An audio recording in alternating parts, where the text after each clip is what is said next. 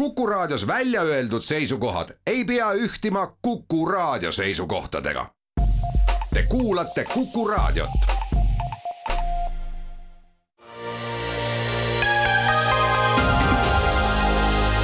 poliitikakuru. poliitikakuru.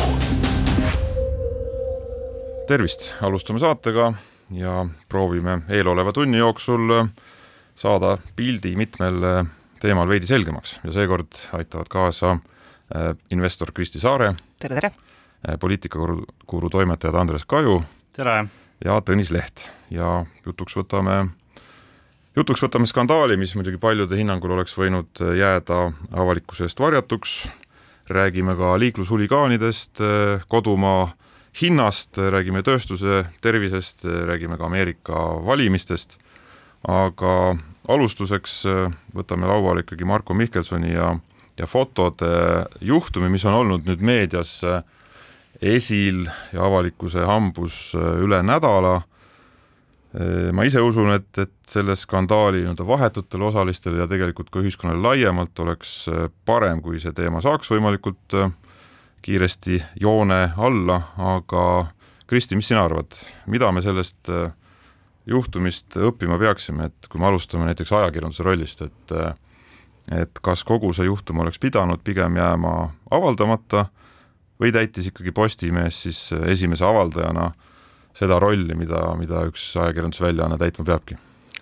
ma pean tunnistama jah, et mul on hetkel väga ebamugav seda teemat kommenteerida, sest et minu meelest tõesti on ületatud sellised eraelu äh, riive piirid ja mina jään sellesse koolkonda, kes arvab, et äh, valdkonna, noh, selle, selle teemaga on seotud olnud virn professionaale, äh, alustades politseist, lõpetades terapeutidega, kes on oma arvamuse avaldanud ja ajakirjandus kuidagi ignoreeris seda ekspertarvamust, et kui see on juba nii palju läbi näritud, on jõutud järeldusele, et tegelikult seal ei ole probleemi, mida peaks lahendama, siis see, et see uudis tuli siin just täpselt valimiskampaaniate alguses välja, ei, ei, ei tundu nagu hea lahendus. super ebameeldiv on, ma arvan, kõigil inimestel seda teemat kommenteerida, kes vähegi tahavad enne mõelda, kui öelda, et, et meil kõigil on, ma arvan, nagu mitu rolli selle, selle teema peale mõeldes, et, et ühelt poolt elad kaasa ühiskonnale, mõtled ajakirjanduse rolli peale, paljud asjasse puutuvad inimesed väikses riigis on, on, on teada, need ei ole suvalised inimesed, need on inimesed, keda paljud meist tunnevad mõlemal pool seda, seda hooldusõigusvaidlust. Ja, ja lisaks on kõigil veel lapsevanema roll või paljudel meist, et sa vaatad seda, seda ka lapsevanemana ja mõtled, mõtled läbi selle prisma äh, ilmselt äh, läbi erinevate kaalutluste, et ühelt poolt äh,, ühelt poolt tahaks, et, et lastega ei juhtuks kunagi midagi halba, teiselt poolt äh,, teiselt poolt tahaks, et äh, et äh, sellise, selliseid asju, kui nad juhtuvad, ei peaks alati ja tingimata äh, Äh, lahkama teiste inimeste ees niimoodi, et, et äh, need lapsed on sellest jätkuvalt edasi puudutatud, et nende identiteet tuleb välja ja nii edasi, et äh, nüüd ma arvan, et ühiskonnana meil on, meil on nagu ühelt poolt kindlasti huvi, et ajakirjandus oleks sellises positsioonis ja rollis nagu kui vaba ühiskonna suur mõtleja, filosoof Edmund Burke äh, tuhat seitsesada kaheksakümmend seitse Inglise parlamendi ees esines ja nõudis, et, et par-, et, et ajakirjandus tuleb lasta parlamenti, sellepärast et võimu tuleb igal hetkel nagu läbi valgustada, on ju. Ja see on nagu ühelt poolt ongi ajakirjanduse roll, kindlasti on olla nõudlikum nende inimeste suhtes, kes ei ole tavalised inimesed, kes äh, kannavad võimu vastutust, kes on võimupositsioonil teiste inimeste suhtes ähm, ja on mitmes mõttes priviligeeritud. Ja tegelikult oleme ka ausad, ega võimul olevad inimesed on rohkem isoleeritud ka kriitika eest, kui on, on tavalised inimesed, ma arvan, et, et sellised lood, kui nad ilmuvad, kui nendes käsitletaksegi inimesi, kes ei ole avalikkusele tuntud või, või tuttavad, siis me möödaminnes kujundame oma seisukoha selliste lugude kohta ja me ei ei, ei, ei vaata neid äh, läbi võib-olla niivõrd teravate nagu moraalsete kategooriate või ei otsi põhjendusi, võimalusi äh, inimeste kaitsmiseks ühel või teisel pool, et et see on, ma tean, et see on segane jutt, mida ma räägin, seepärast et tunded on ka segased, ma millegipärast arvan, et väga paljudes Eesti peredes, kus seda on arutatud nüüd juba teist nädalat, ongi väga erinevad seisukohad, mõnikord soopõhiselt äh,, isadel ja emadel erinevad vaated Äh, mõnikord ilmavaatepõhiselt, et ega minul on, on täpselt samamoodi, et äh, ühelt poolt ei taha, et, et äh, lapsed kannataksid nagu, nagu mitu korda sama asja tõttu, seetõttu, et, et kui sel-, kui ma unustaks selle konkreetse juhtumi ära, selles osas ma ei taha nagu üldse isegi seisukohta võtta, siis, siis kindlasti ma arvan, et ühiskonna huvides on, et, et kui kunagi kusagil on laste väär kasutamist või kohtlemist ja nende suhtes ebaõiglust, et äh, see roll, mida ajakirjandus või järelevalveasutused, õiguskaitseorganid täidavad, et äh, nad teeksid seda kõik viisil, mis aitab vähendada selliseid juhtumeid, ma arvan, et äh, kohtuotsust selles osas, kas nüüd see, kuidas seda asja on menetletud, aitab neid juhtumeid ühiskonnas edaspidi ära hoida, mis ma eeldan, et on, oli ajakirjanduse eesmärk ka see, sellise, selle loo nagu käsitlemise kõrval, lisaks sellele, et tegemist oli nagu võimuvastutusega inimesega, aga ma arvan, et on ebaselge, eks ole, et kas, kas aitab selliseid asju vähendada või noh, me teame, et eh, kui, kui oli Marti Kuusiku lugu äh,, siis pärast seda kasvas hüppeliselt äh, naistevastase vägivalla intsidentide registreerimine, raporteerimine, et inimesed tundsid ennast selle käsitluse tõttu julgemalt. me teame, et ka sellel aastal on olnud äh, esimese aasta üheksa kuu jooksul hüppeliselt rohkem lastevastaseid, laste äh, abikõnesid laste abiliinile. Äh, üheksa kuuga on tehtud täis eelmise aasta kogu, kogu tulemus, on ju, et, et, et äh, aga jah, et ma jään enda juurde, et praeguseni ma arvan, et praegu on ebaselge, et kas kas nende kajastuste kogusumma aitab neid asju edaspidi vähendada, rohkem välja tuua või mis see nagu ühiskondlik, ühiskondlik mõju on. Ja kui me siin nädal tagasi äh, saadet tegime, siis, äh, siis oli see info hulk äh, veel veidi piiratum,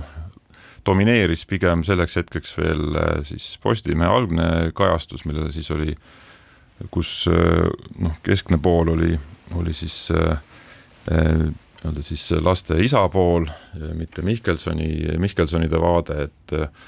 tänaseks on need pildid või vaated äh, meedias saanud mõlemalt poolt äh, küllalt palju kajastust, nii palju kui osapooled on olnud valmis rääkima, pigem ma ütleks, et domineerib äh, siis Mihkelsonide poolne vaade nagu meediapildis, aga aga kogu seda nädalat kokku võttes, siis need uued infokihid, mis peale on tulnud,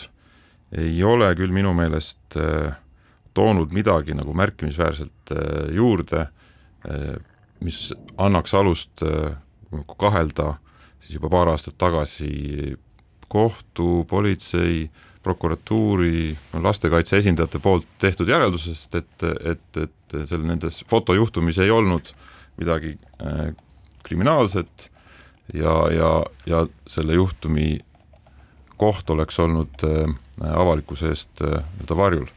Ehk et selle vahepealse nädala jooksul ei ole tulnud juurde infot ja argumente, mis selgelt äh, nii-öelda sunniks kahtlema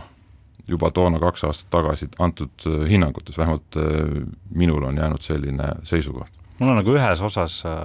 ühes osas on sinust erinev seisukoht, see puudutab just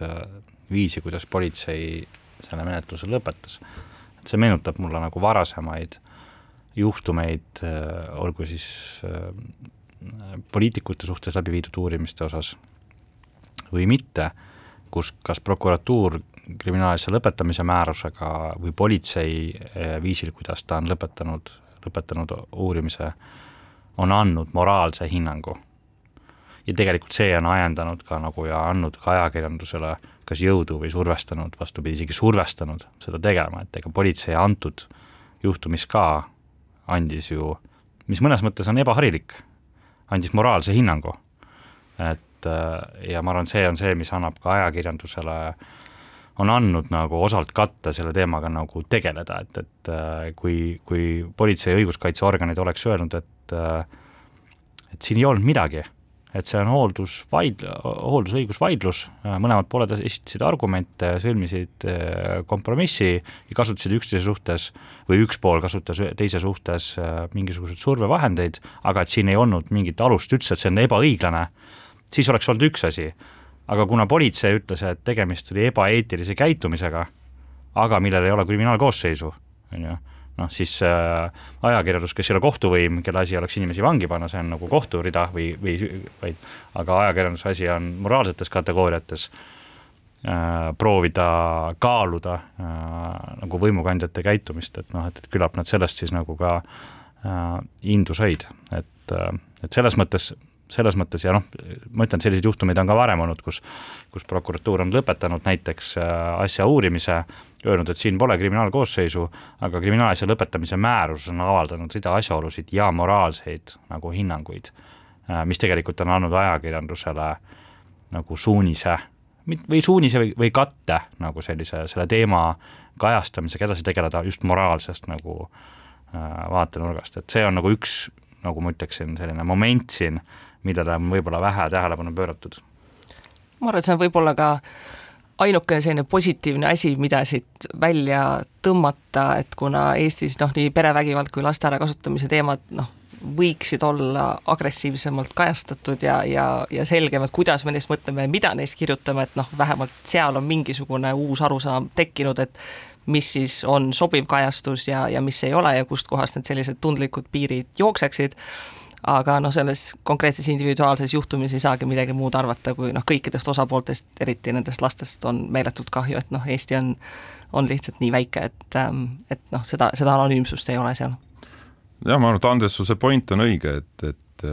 et see, see nii-öelda eetiline hinnang oli miski, mis kõiki neid ajakirjandusväljaandeid, kes need materjalid ühel või teisel kombel said või moel, nad kõik ju on ka seda uurinud. ja, ja see on ka, oli ka üks oluline ajend kindlasti, et, et uurida, aga, aga esimesena avaldas selle Postimees, kõik need väljaanded ju ka kaalusid kindlasti väga olulisel määral ühelt poolt eeskätt just lastele tekitatavat võimalikku kahju seoses materjalide avaldamisega ja teiselt poolt siis selle nii-öelda ühiskondlikku avalikku väärtust, kui info liigub siis võimukandjate osas, mis on nende taust, millega nad on tegelenud, et ja Postimees siis ju ka oma peatoimetaja suu läbi tõi põhilise sellise argumendina, miks ikkagi seda teemat äh, tuleb äh, üheselt avaldada, äh, ikkagi julgeoleku aspekti ja, ja siis olulise välispoliitika, julgeolekupoliitika suunaja suhtes võimaliku šantaaži riski, et see oli ju keskne, keskne argument, mis, mis nii-öelda selle väljakäimise ja avaldamise hetkel äh, noh, ma tunnistan, et see, seal on oma loogika olemas, potentsiaal äh, justkui on, on, on olemas äh, äh, siis julgeolekuriskiks ja šantaažiks, aga noh, mida, mida päev edasi, seda, seda õhemaks see argument ikkagi viiliti, saades aru, kuivõrd laialdaselt see info oli juba levinud ja teistes meediamajades ka olemas, ehk et see ei olnud mingisugune kitsas saladus enam ja samuti oli läbi käinud politsei laualt äh, kapoga oli suheldud, eks ole, mis, kas Postimehel selle avaldamise hetkel seda päriselt teadis või ei teadnud, see ongi jäänud ähmaseks, justkui ei teadnud, aga noh, see info tuvastati Delfi poolt väga kiiresti, et Mihkelson on kapoga sellel teemal rääkinud ja riski pole sealt otseselt leitud, ehk et see julgeolekuriski mõõde äh, kaalukaussidel võrrelduna siis äh, kahjuga, mida tekitatakse lastele, et see, see julgeolekuriski kaalukauss jäi üsna kiiresti üsna, üsna ahtakeseks, et et see põhjendus oli ju põhiline, mis välja toodi. absoluutselt, sellega, sellega ma, sellega ma olen nõus, et, et noh, siin ongi see põhi, põhikoht ja põhikaalumise koht, ongi laste õigused versus siis mingisugused ühiskondlikud huvid, et noh, ma kujutan ette, et kui ajakirjanikud uurivad selliseid sensitiivseid teemasid, me mingis mõttes ilmselt ei taha ju seda, et, et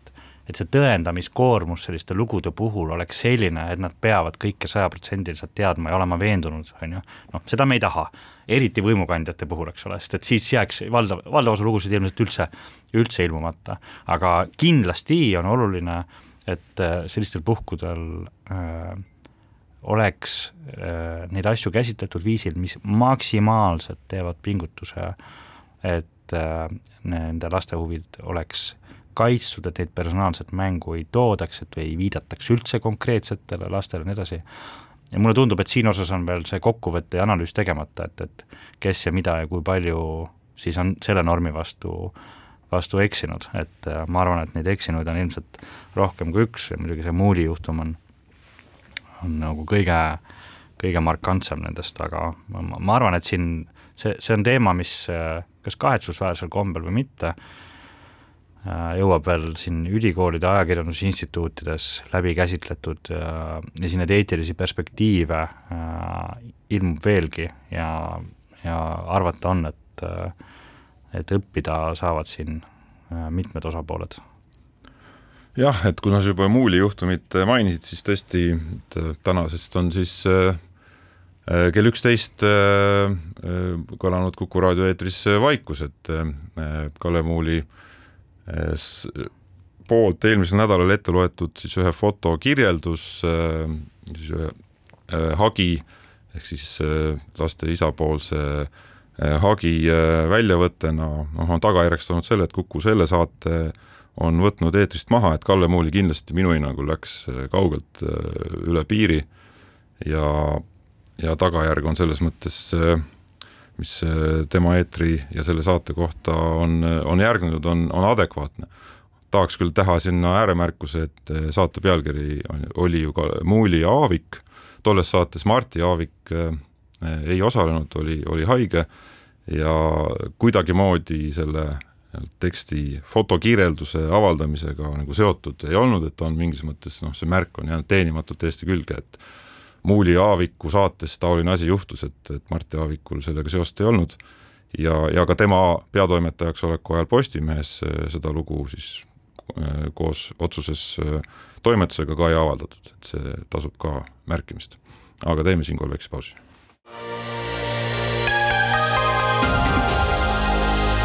poliitikakuru poliitikakuru jätkame saatega stuudios eh, Kristi Saare, Andreas Kaju ja Tõnis Leht. Eh,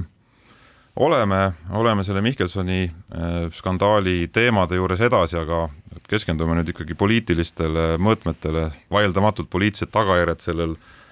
juhtumil on, ka kogu selle loo avaldamine, siis esimesena Postimehes ju toimus selgelt valimiskampaania ajal ja mis iganes need põhjendused seal taga öö, olid avalikkusele et miks äh, seda lugu peab avaldama ja miks seda peab tegema just nüüd, siis vaieldamatult äh, ka Postimehe juhtkond sai väga hästi aru, et mis ajal seda lugu avaldatakse ja et sellel potentsiaalselt võivad olla olulised äh, mõjud valimiskampaaniale, aga Andres, kuidas sina näed, et milline poliitiline jälg sellel juhtumil võib olla, et eks esmaselt puudutab see ju kõige rohkem Reformierakonda, aga aga ka teised erakonnad peavad Mihkelsoni suhtes mingisuguse seisukoha kujundama, nad ei pääse sellest ma mõnes mõttes nagu poliitilise kampaania fakti nagu üle ei tähtsustaks, et ma olen kümme aastat või viisteist aastat tagasi oleks võinud seda käsitleda niimoodi, aga tänapäeval elavad poliitikud nagu kakskümmend neli seitse igaveses pidevas poliitilises kampaanias. et et äh, ja, ja nende nagu poliitiline kommunikatsioon peegeldab nagu seda, seda reaalsust, et räägitakse ainult poliitilistes stampides ja kunagi ei eksita nagu ideoloogiliste dogmade vastu, et teadakse, et valija ja meedia kogu aeg jälgib. et, et ja mõnes mõttes vastupidi, et, et ma arvan, et et ebaõiglane on panna osapooltele ka mingit, sellest tuleb mingit erikohustust, et kuna on viis kuud valimisteni, et siis tuleb olla nagu ekstra kuidagi äh, võimu suhtes säästlik, on ju, et, see pole, ma arvan, sa ei mõelnud seda, aga ma lihtsalt tahan üle korrata, et ma arvan, see ei ole, ei oleks nagu mõistlik, mõistlik üleskutse. ma arvan, mis, mis nagu poliitiliselt, noh, poliitiliselt edasi saab, on eh, noh, seda on võimalik nagu kuidagi võib-olla eh, väga neutraalselt pinnalt on nagu raske muidugi eh, kommenteerida, et kõigile on, ma arvan, selge ka Mihkelsoni oponentidele, et Marko Mihkelson on Eesti välis- ja julgeolekupoliitikas väga oluline inimene, kellel on väga suured teened, ta on kogenud, eriti praegusel ajal äh, on, on, on tal jätkuvalt nagu tähtis äh,, tähtis roll, ta on seda asja, ma arvan, sümpaatselt ja hingega kogu aeg teinud ja see on, on Eestile olnud hea, kuidas tema äh,, kuidas ta on, kuidas ta on olnud välis- ja julgeolekupoliitikas tegev. Noh, teine asi on nüüd see, et äh, erakonnad vaatamata sellele käituvad oma isiklikest huvidest lähtuvalt ja ka koalitsioonipartnerid, rääkimata opositsioonist, tõenäoliselt tahavad seda ära kasutada ikkagi selleks, et Reformierakonda nagu pinges hoida. võib arvata, et Isamaa peaminister on, eks ole, palunud, et selleks, et erakond saaks otsustada, kas Marko Mihkelson peaks väliskomisjoni esimehena jätkama, et Isamaa ja sotsid formuleeriksid oma seisukohad ja ütleksid selle välja, pannes niimoodi mõnes mõttes vastutuse koalitsioonipartneritele, aga viskumata ka ise Marko Mihkelsoni kaitsele veel, on ju, et et ta peab igal, igal juhul jätkama, ei, ta ei öelnud seda, ta ütles, et era-, koalitsioonikaaslased peaks oma seisukohad kujundama. võib arvata, mis seisukoha võtab Isamaa. kui Kalle Muuli nagu eeskuju, eeskujust nagu lähtuda, et ja vaadata ja erakonna esimees Seeder on, on ka äh, juba enam-vähem selliseid seisukohti võtnud, et äh, on nii Kalle Muulit õigustanud ja võib arvata ka, et, äh, et erakonna fraktsioon, kes esmaspäeval koguneb, võtab, ma arvan, Marko Mihkelsoni jätkamise osas se seisukoha, noh, kus ma ei tea, ma eeldan, et nõutakse peaministrilt mingisuguse sammu tegemist, et Mihkelson ei jätkaks. Sotside osas on keerulisem, et Lauri Läänemets selle nagu skandaali nii-öelda alguses kohe võttis väga terava hoiaku, ütles ka midagi taolist, et a la Mihkelson ei saa jätkata no ta ütles, et see, ta näeb, et see on väga keeruline. väga keeruline, eks ole, et noh, et mis see tähendab poliitilises keeles väga keeruline, et sellest tuleb väga suur hind maksta kellegi, et küsimus on, mis hinda saab keegi maksta, et ma eeldan, et sotsid tahavad samamoodi panna surve peaministrile otsustamiseks, et andes märku, mis on nende nagu, mis on nende eelistus, eks sotsid proovivad mõelda ka selle peale, mida nende valija sellest arvab, niimoodi erakonnad mõtlevad, Isamaa vaatab, mida nende valija sellest mõtleb, sotsid proovivad aru saada nädalavahetusel, mida nende valija sellest mõtleb, et Ühiskonnauuringute Instituut on, eks ole, Norstatiga koos ühe uuringu läbi viinud, ilmselt on sealt võimalik midagi välja lugeda erakondadel, mina veel selle sisse ei ole nagu vaadanud, et mida inimesed soo, rahvuse või vanuse või muude sotsiaaldemograafiliste näitajate põhjal arvavad. Ja noh, kuigi need valimised on ka kohe lähedal, viis kuud, siis viis kuud on poliitikas väga pikk aeg et äh, jah, et üks mõte on kindlasti see, et noh, see skandaal jääb väga lihtsaks sihtmärgiks, äh, mida ka opositsioonil ette võtta, aga järgmise viie kuu jooksul tõenäoliselt jõuab poliitikas veel päris palju skandaalseid momente juhtuda, mida saab ka rõhutada valimiskampaanial, et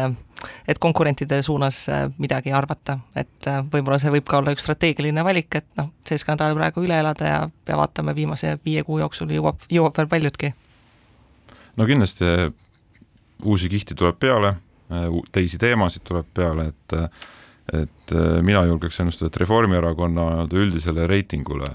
sellel teemal olulist mõju ei ole, kui, kui sealt ei peaks, kui sealt peaks avalduma veel mingeid täiendavaid ootamatuid asjaolusid, siis see võib muutuda. aga noh, seesama Ühiskonnauuringute Instituudi tellitud väike küsitlus äh, Äh, mille, mille nii-öelda küsimuse püstitus muidugi on juba ka klassikaline, põhiküsimuse püstitus on klassikaline niisugune avaliku arvamuse suunamine sotsioloogiliste meetoditega, et äh, küsimus oli seal siis see, et kas teie arvate, et Mihkelsoni tehtud fotod olid eetiliselt taunitavad või olid need mänguhoos süütult tehtud fotod? ehk et küsiti midagi, noh, mitte keegi vastanutest pole neid fotosid näinud,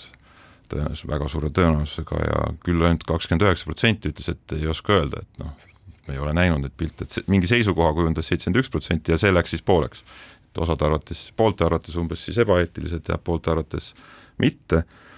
ja, ja sama küsitlus küsis ka, et kas Mihkelson peaks poliitikast lahkuma ja, ja selgelt siis enam inimesi arvas, et ei peaks näiteks. ja ka Reformierakonna suhtes suhtumine äh, ei ole enamikel vastanutel muutunud selle küsitluse tagajärjel, ma sotsiaaldemograafilist tausta sealjuures ei olnud, et kes, millise erakonna toetajad täpselt mida arvasid. aga, aga jah, et kui uusi detaile ei tule, et siis Reformierakonna jaoks nagu tervikuna nagu reitinguriski ei ole pigem, aga küll aga see häda ikkagi või risk on, et kui räägitakse Reformierakonna nii-öelda põhiteema, ühest põhiteemastest, välisjulgeoleku teemast ja kui selle eeskõneleja on Marko Mihkelson juhtumisi debattide käigus näiteks, et siis see annab jah, konkurentidele võimaluse kogu aeg vihjata ja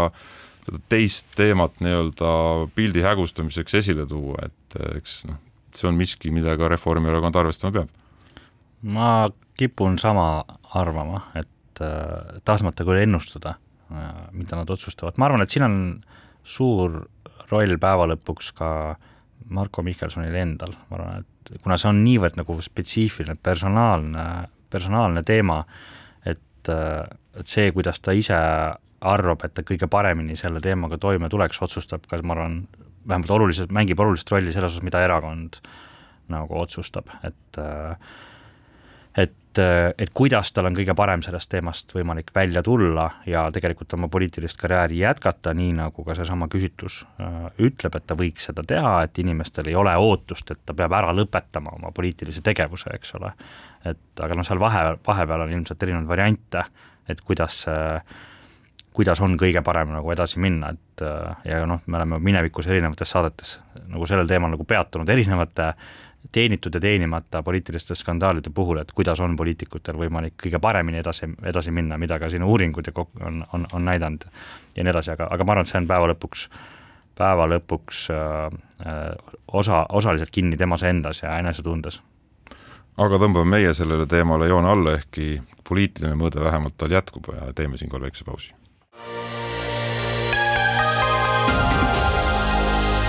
poliitikakuru. poliitikakuru. jätkame saatega stuudios Andres Kaju, Kristi Saare ja Tõnis Leht ja äh, nädala liiklushuligaani auhinna saab seekord Mart Kallas, Tallinna linnavolikogu EKRE fraktsiooni esimees ja, ja ka äh, tubli taksojuht. Äh, Mart Kallas ise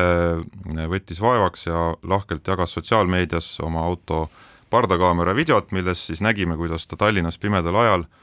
liikles ja temale sõitis ette tema Bolti taksole, hetkel sõitis, sellel hetkel sõitis ta taksot, sõitis ootamatult ette tumedates riietes rattur,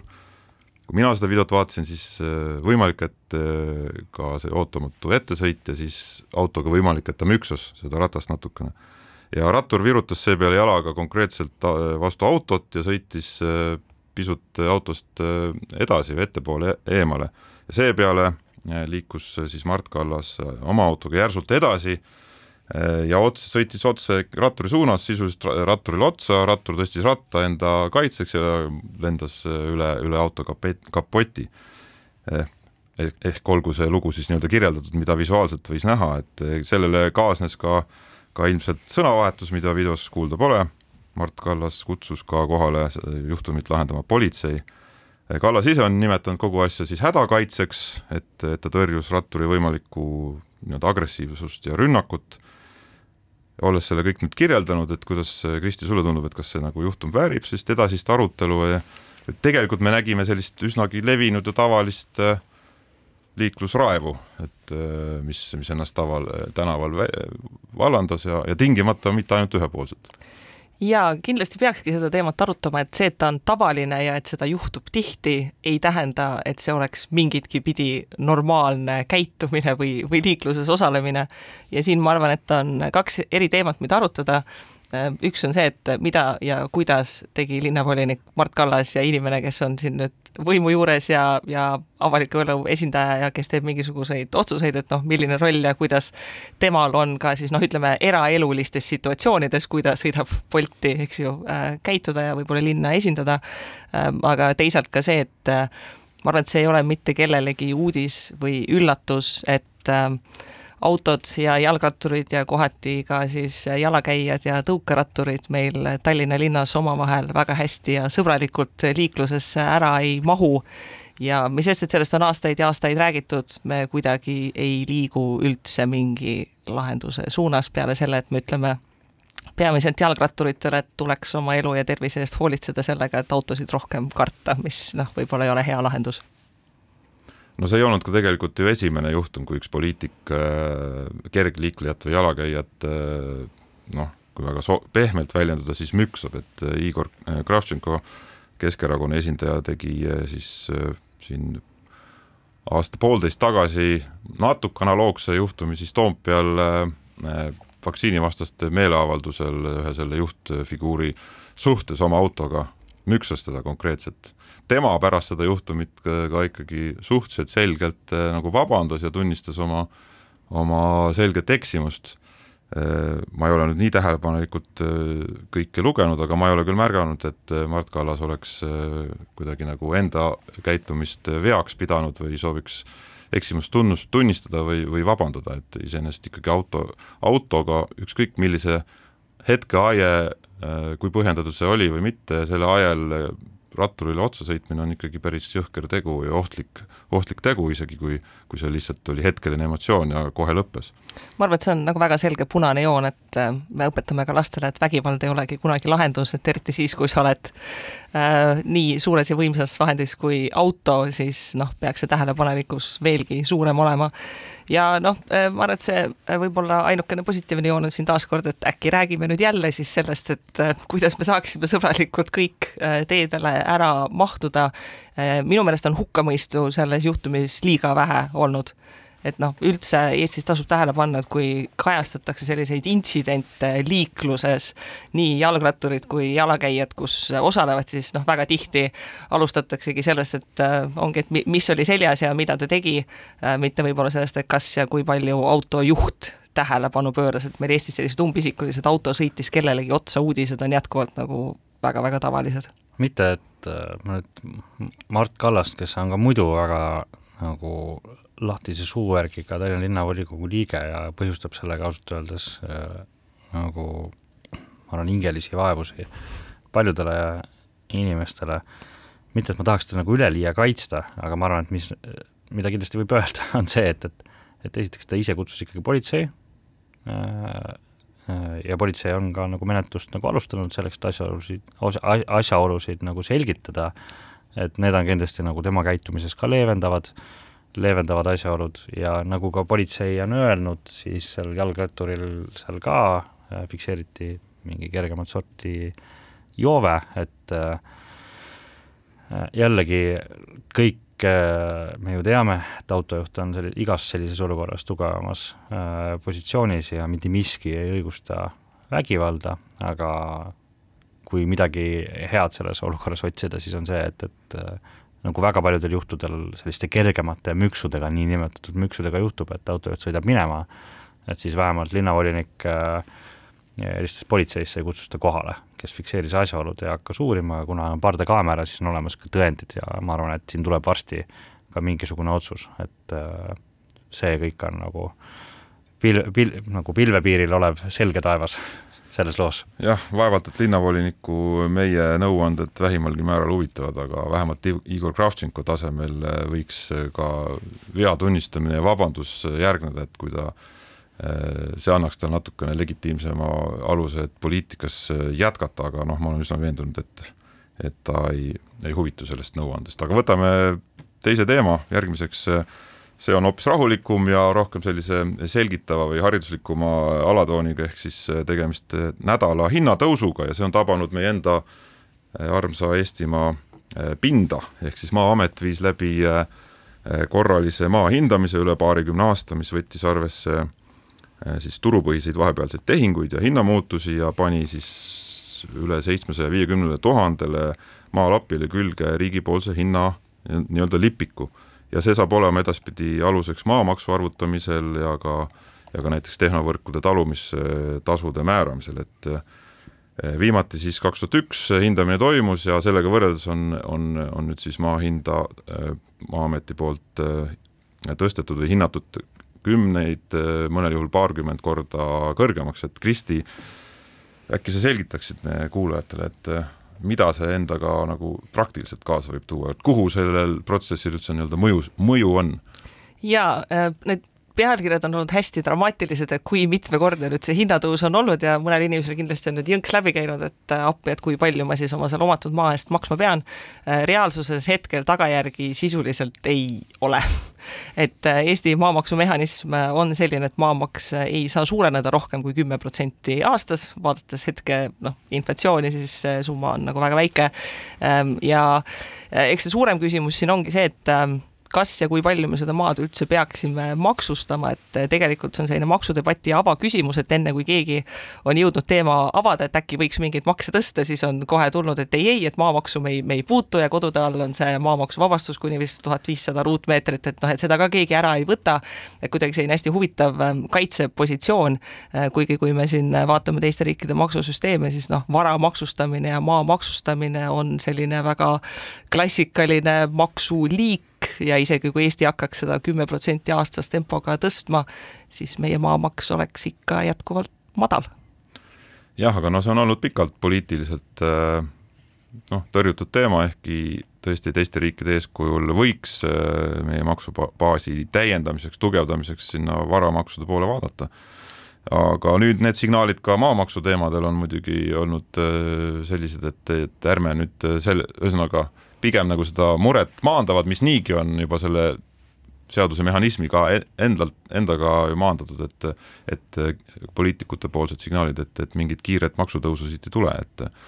samas kohalikele omavalitsustele, kuhu see äh, reaalselt see raha liigub, siis noh, nende jaoks on siin potentsiaalselt äh, siiski ka olulise ehkki väikese, aga siiski olulise tuluallikaga tegemist, et ma vaatasin näiteks Tallinna, Tallinna linn on selle aasta eelarvesse plaaninud suurusjärgus kakskümmend viis miljonit äh, tulu maamaksust, et mis mis on küll äh, äh, paar protsenti kogu maksutulust, aga siiski märkimisväärne summa, et et äh, siin on omavalitsustel tegelikult potentsiaali oleks, kui, kui seda piiri ees ei oleks. No siin hakatakse tihti minema ka just seda teed pidi, et noh, et inimesed enda kodu eest ei peaks maksma noh, aga tegelikult see on nagu selle debati mõttes natukene aiaauk, et keegi ei olegi võtnud seda teemat, et inimesed enda kodu eest peaksid maksma või peaksid rohkem maksma. ma arvan, et võib-olla see huvitavam argument on siin noh, mis, mida mina lugesin, et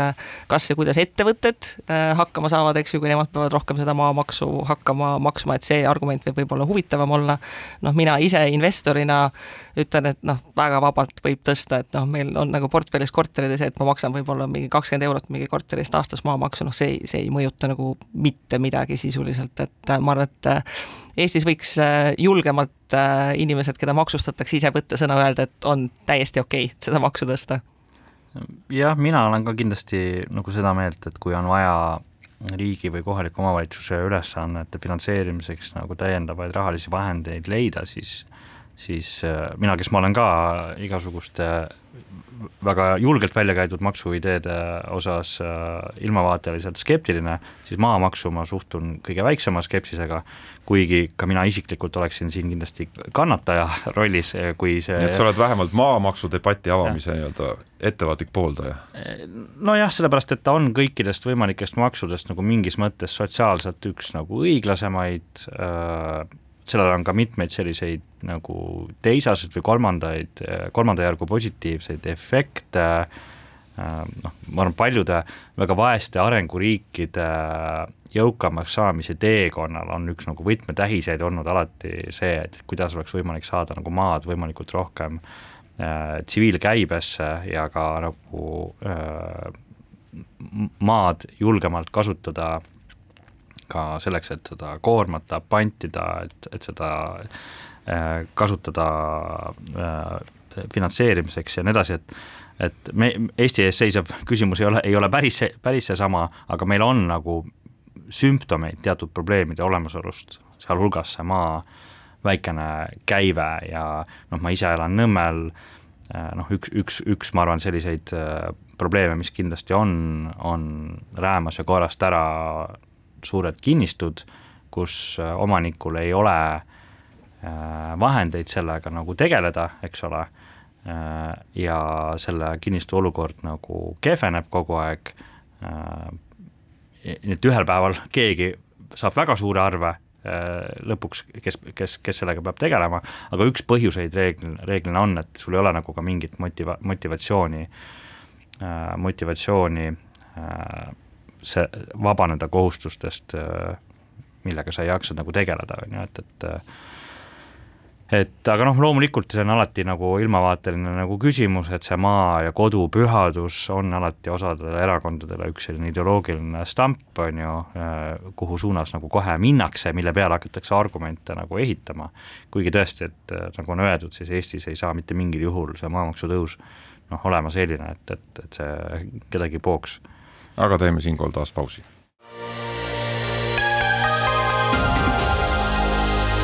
poliitikakuru. poliitikakuru. oleme eetris tagasi, stuudios Kristi Saare, Andres Kaju ja Tõnis Leht ja saate lõpus räägime pisut signaalidest, mis tulevad Eesti majandusest septembris vähenes oluliselt tööstustoodang, eriti langes siis puidu- ja metallitööstuse toodang. Ja ühtlasi on tulnud nüüd ridamisi ka mitmeid teateid suurematest koondamisplaanidest, mida ju ka servast ellu viiakse, ehk siis siin puiduga seotud sektorist kõige enam Palmaco, Repo, nüüd kõige värskemana mööblitootja Standard, ka mujal töötlevas tööstuses kuuldavasti koondamisi toimub ja mure, et nende vaja, järgi on vajadus ka lähikuudel, on, on kasvav, ehk et äh, Kristi, kuidas sinu hinnang on, et kui olulised need arengud on, et kas, kas Eesti, kas me näeme nüüd põhimõtteliselt märke sellest, et Eesti äh, tööstusel on, on äh, raskusi tekkinud konkurentsis oma regioonis? Ja me kindlasti näeme sellest äh, märke, et äh, see, et kas ja mida ja kui palju üks riik suudab iseendale toota, on tegelikult väga oluline küsimus ka mingil määral no, julgeoleku mõttes, et noh, kas me, kas me saame ise hakkama või me oleme lihtsalt äh, sõltuvad sellest, et mida, mida me mujalt äh, sisse, sisse ostame. ja see on selline huvitav murekoht, et äh, noh, majanduslikust vaatest üldiselt selline arutu äh, stiimulite jagamine ja helikopterraha kipub lõppema ühel hetkel mingi pauguga või auguga, mida, mida kellelgi on vaja lappida. Ähm, aga meil on ähm, Euroopas selline huvitav toolide mängu olukord toimunud, et ähm, et kui kõik teised riigid toetavad, äh, siis meil olla see riik, kes ei toeta, tähendab seda, et meie tööstusettevõtted kannatavad, noh, pannakse kinni, see tootmine kolib äh, kuskile välja ja ma, ma ei ole kindel, et siin on ühtegi head lahendust peale selle, et me teeks otsuse, et noh, jagame siis raha täpselt sama lahkelt nagu teised ja siis kuskil seal tulevikus hakkame nüüd lahendama seda järjekordset probleemi, mis tuleb sellest, et me oleme seda raha äh, lahkelt jaganud äh,. aga kindlasti tasub tähelepanelik olla, et kui siiski noh, ettevõtted, kellel on tõesti väga-väga pikk äh,, pikk ajalugu annavad alla siis need otsused ei tule tavaliselt lihtsalt, et lihtsalt, et me ei viitsi või, või me ei taha, äh, vaid tõesti see olukord ongi üliraskeks läinud ja need numbrid enam, enam kokku ei jookse ja aga mida siis nii-öelda raskuste peamise põhjusena välja tuuakse, et energiahindade tõus, aga see tegelikult ikkagi tõuseb igal pool, et äh, ja aga teised riigid, äh, nii palju kui ma olen jälginud, ikkagi ka ettevõtteid ja tööstuseid on veidikene rohkem toetanud nendesamade energiahindade teemal võrreldes Eestiga, et Eestis ju meil on väga tugev osa nendest kompensatsioonipakettidest on ju kõik olnud eraisikutele suunatud, äh, mitte konkreetselt tööstustele, et ettevõtetele on korduvalt öeldud, et noh, vaadake, et kuidas te ise hakkama saate ja noh, praegu on tulemus näha, et tuleb välja, et, et ei saa. Äh, Kaja Kallas eile jõudis öelda, et suurettevõtetele äh, siis energiatoetuseid plaanis ei ole, et äh, täna ka ettevõtlusminister Kristjan Järvan tegelikult sekundeeris arvamusloos Postimehes, et et sellist laialdast toetamist ütleme suurtööstustele, suurettevõtetele energiatoetuste näol, selleks pole Eesti võimeline, kuna me ei ole niivõrd suur majandus kui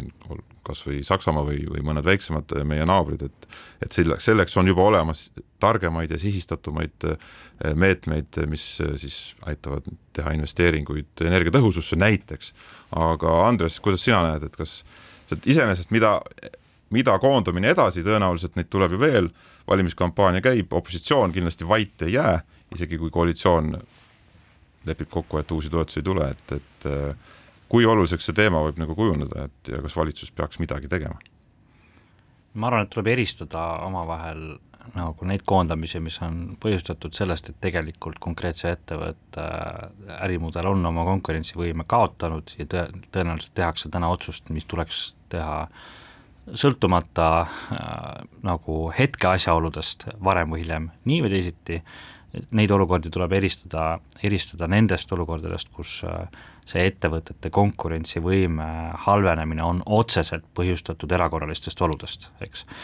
ja kui me nüüd vaatame just seda teist kategooriat, noh esimese kategooria osas mina ei arva, et, et äh, riik peaks nagu peaks nagu noh, meil on näiteid Eest, ettevõtetest Eestis, äh, kes iga-aastaselt endale taotlevad äh, täiendavaid äh, maksupoliitilisi erisusi ja erikohtlemist äh, Äh, ja on neid ka saanud korduvalt, äh, noh, minu meelest seal selgelt, äh, selgelt on küsimus selles, et pigem nagu üldiselt majanduskonjunktuuris ja Euroopa energiapoliitika, kliimapoliitika kontekstis nende ettevõtete konkurentsivõime lihtsalt ongi kahjustatud nagu pikaajaliselt, selle, nende ärimudelitega ei ole võimalik äh, tegutseda, et kui riik soovib täielikult kurssi muuta, siis on mõeldav nendel ettevõtetel pikaajaline edasi tegutsemine, aga vastasel juhul mitte. aga mis puudutab seda teist kategooriat ettevõtteid, noh, nende puhul on selgelt argument olemas, et on vaja midagi ette võtta, sest et nad tegutsevad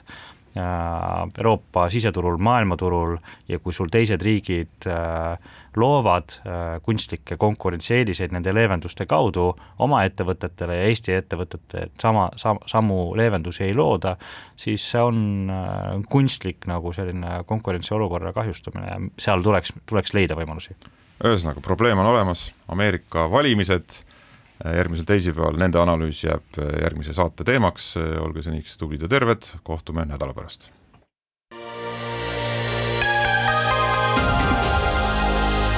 poliitikakuru. poliitikakuru